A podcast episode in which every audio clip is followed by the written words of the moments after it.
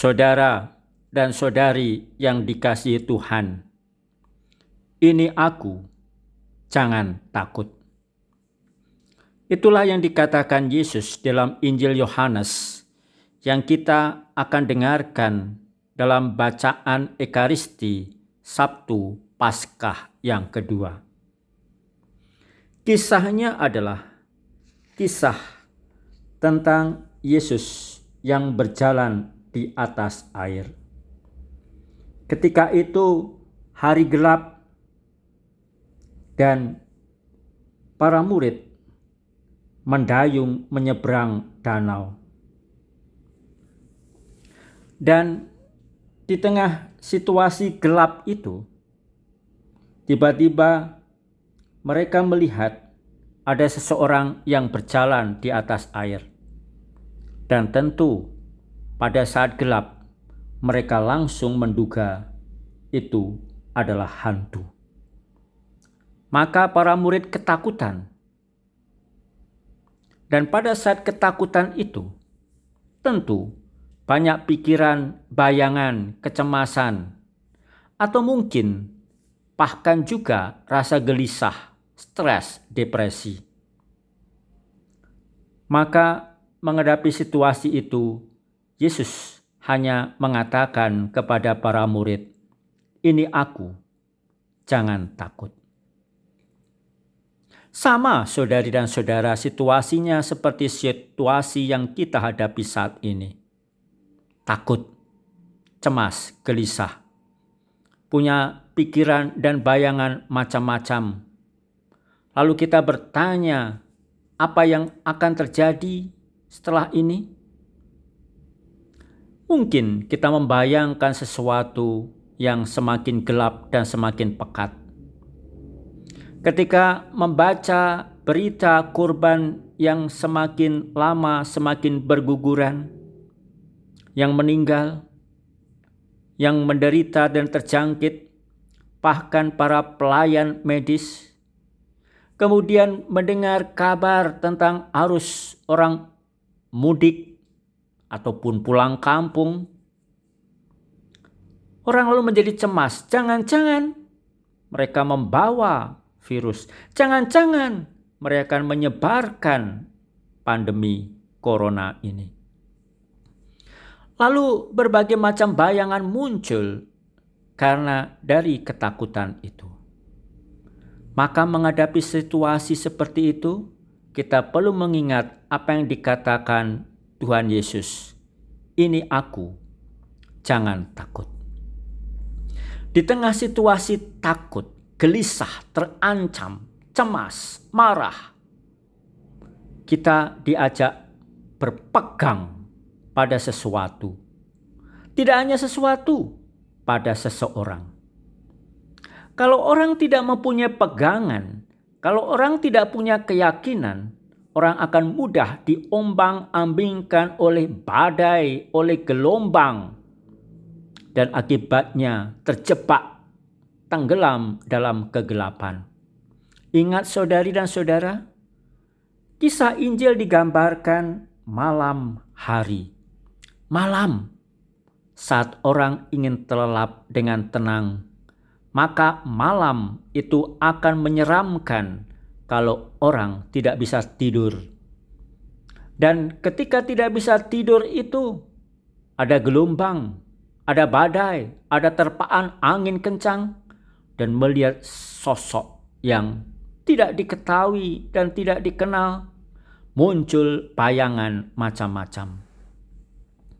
Maka, di tengah semuanya itu, kita diajak untuk melihat seseorang, berpegang pada seseorang, berpangkal dan mendasarkan pada sesuatu, yaitu iman maka digambarkan setelah Yesus memperkenalkan diri hanya dengan mengatakan ini aku, jangan takut. Dan para murid mengenal suara Yesus itu. Lalu mereka mempersilahkan Yesus naik ke perahu. Dan seketika itu juga mereka sampai ke pantai. Menemukan peristirahatan, menemukan pelabuhan, menemukan tempat di mana bisa menjadi tenang, kaki bisa berpijak, dan tangan bisa berpegang. Saat ini, gelombang pun menerpa dan menimpa kita. Maka kita diajak untuk melihat Tuhan. Dia bukan hantu. Dia ada, berjalan, menyertai, mengiringi kita semua yang sedang melangkah, yang sedang terombang-ambing, yang sedang bimbang gelisah.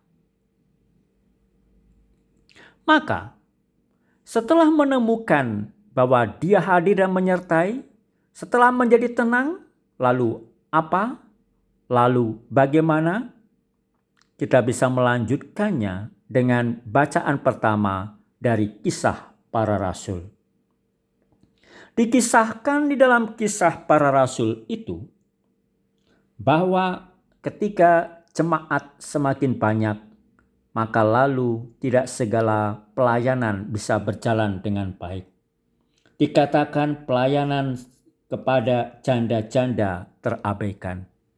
Saudari dan saudara, pelayanan kepada janda-janda tidak lain dan tidak bukan adalah pelayanan kepada mereka yang tidak mempunyai penghasilan, yang bergantung kepada orang lain.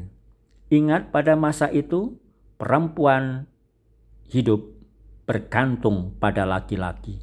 Maka, bila seorang perempuan tidak lagi mempunyai suami dan tidak lagi mempunyai orang tua, dia kehilangan segalanya karena perempuan tidak boleh bekerja. Maka kalau kita bisa mengatakan pelayanan kepada janda-janda bisa kita katakan pelayanan kepada orang miskin. Kepada mereka yang saat ini kehilangan pekerjaan. Kepada mereka yang saat ini tidak tahu besok harus makan apa. Kepada mereka yang saat ini tidak mempunyai banyak uang di saku apalagi tabungan di bank. Mereka ini terabaikan. Maka ketika melihat situasi itu, para rasul lalu berkumpul. Karena apa? Para rasul punya tugas yang pokok, yaitu pelayanan firman dan pelayanan perjamuan, pelayanan sabda dan pelayanan sakramen. Maka kemudian mereka memilih tujuh orang menjadi diakon. Apa tugas mereka?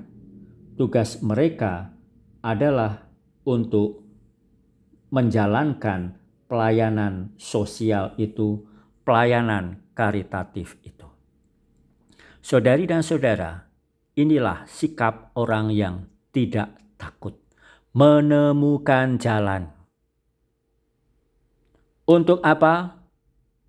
Untuk mewujudkan harapan bahwa dunia kehidupan masih berlangsung. Hidup ini masih berjalan. Jangan menyerah, jangan takut. Dan tandanya tidak takut, buat sesuatu. Dan sesuatu yang konkret menolong orang. Maka saudari dan saudara, lewat bacaan Ekaristi di Sabtu Paskah yang kedua ini, kita diajak oleh Tuhan.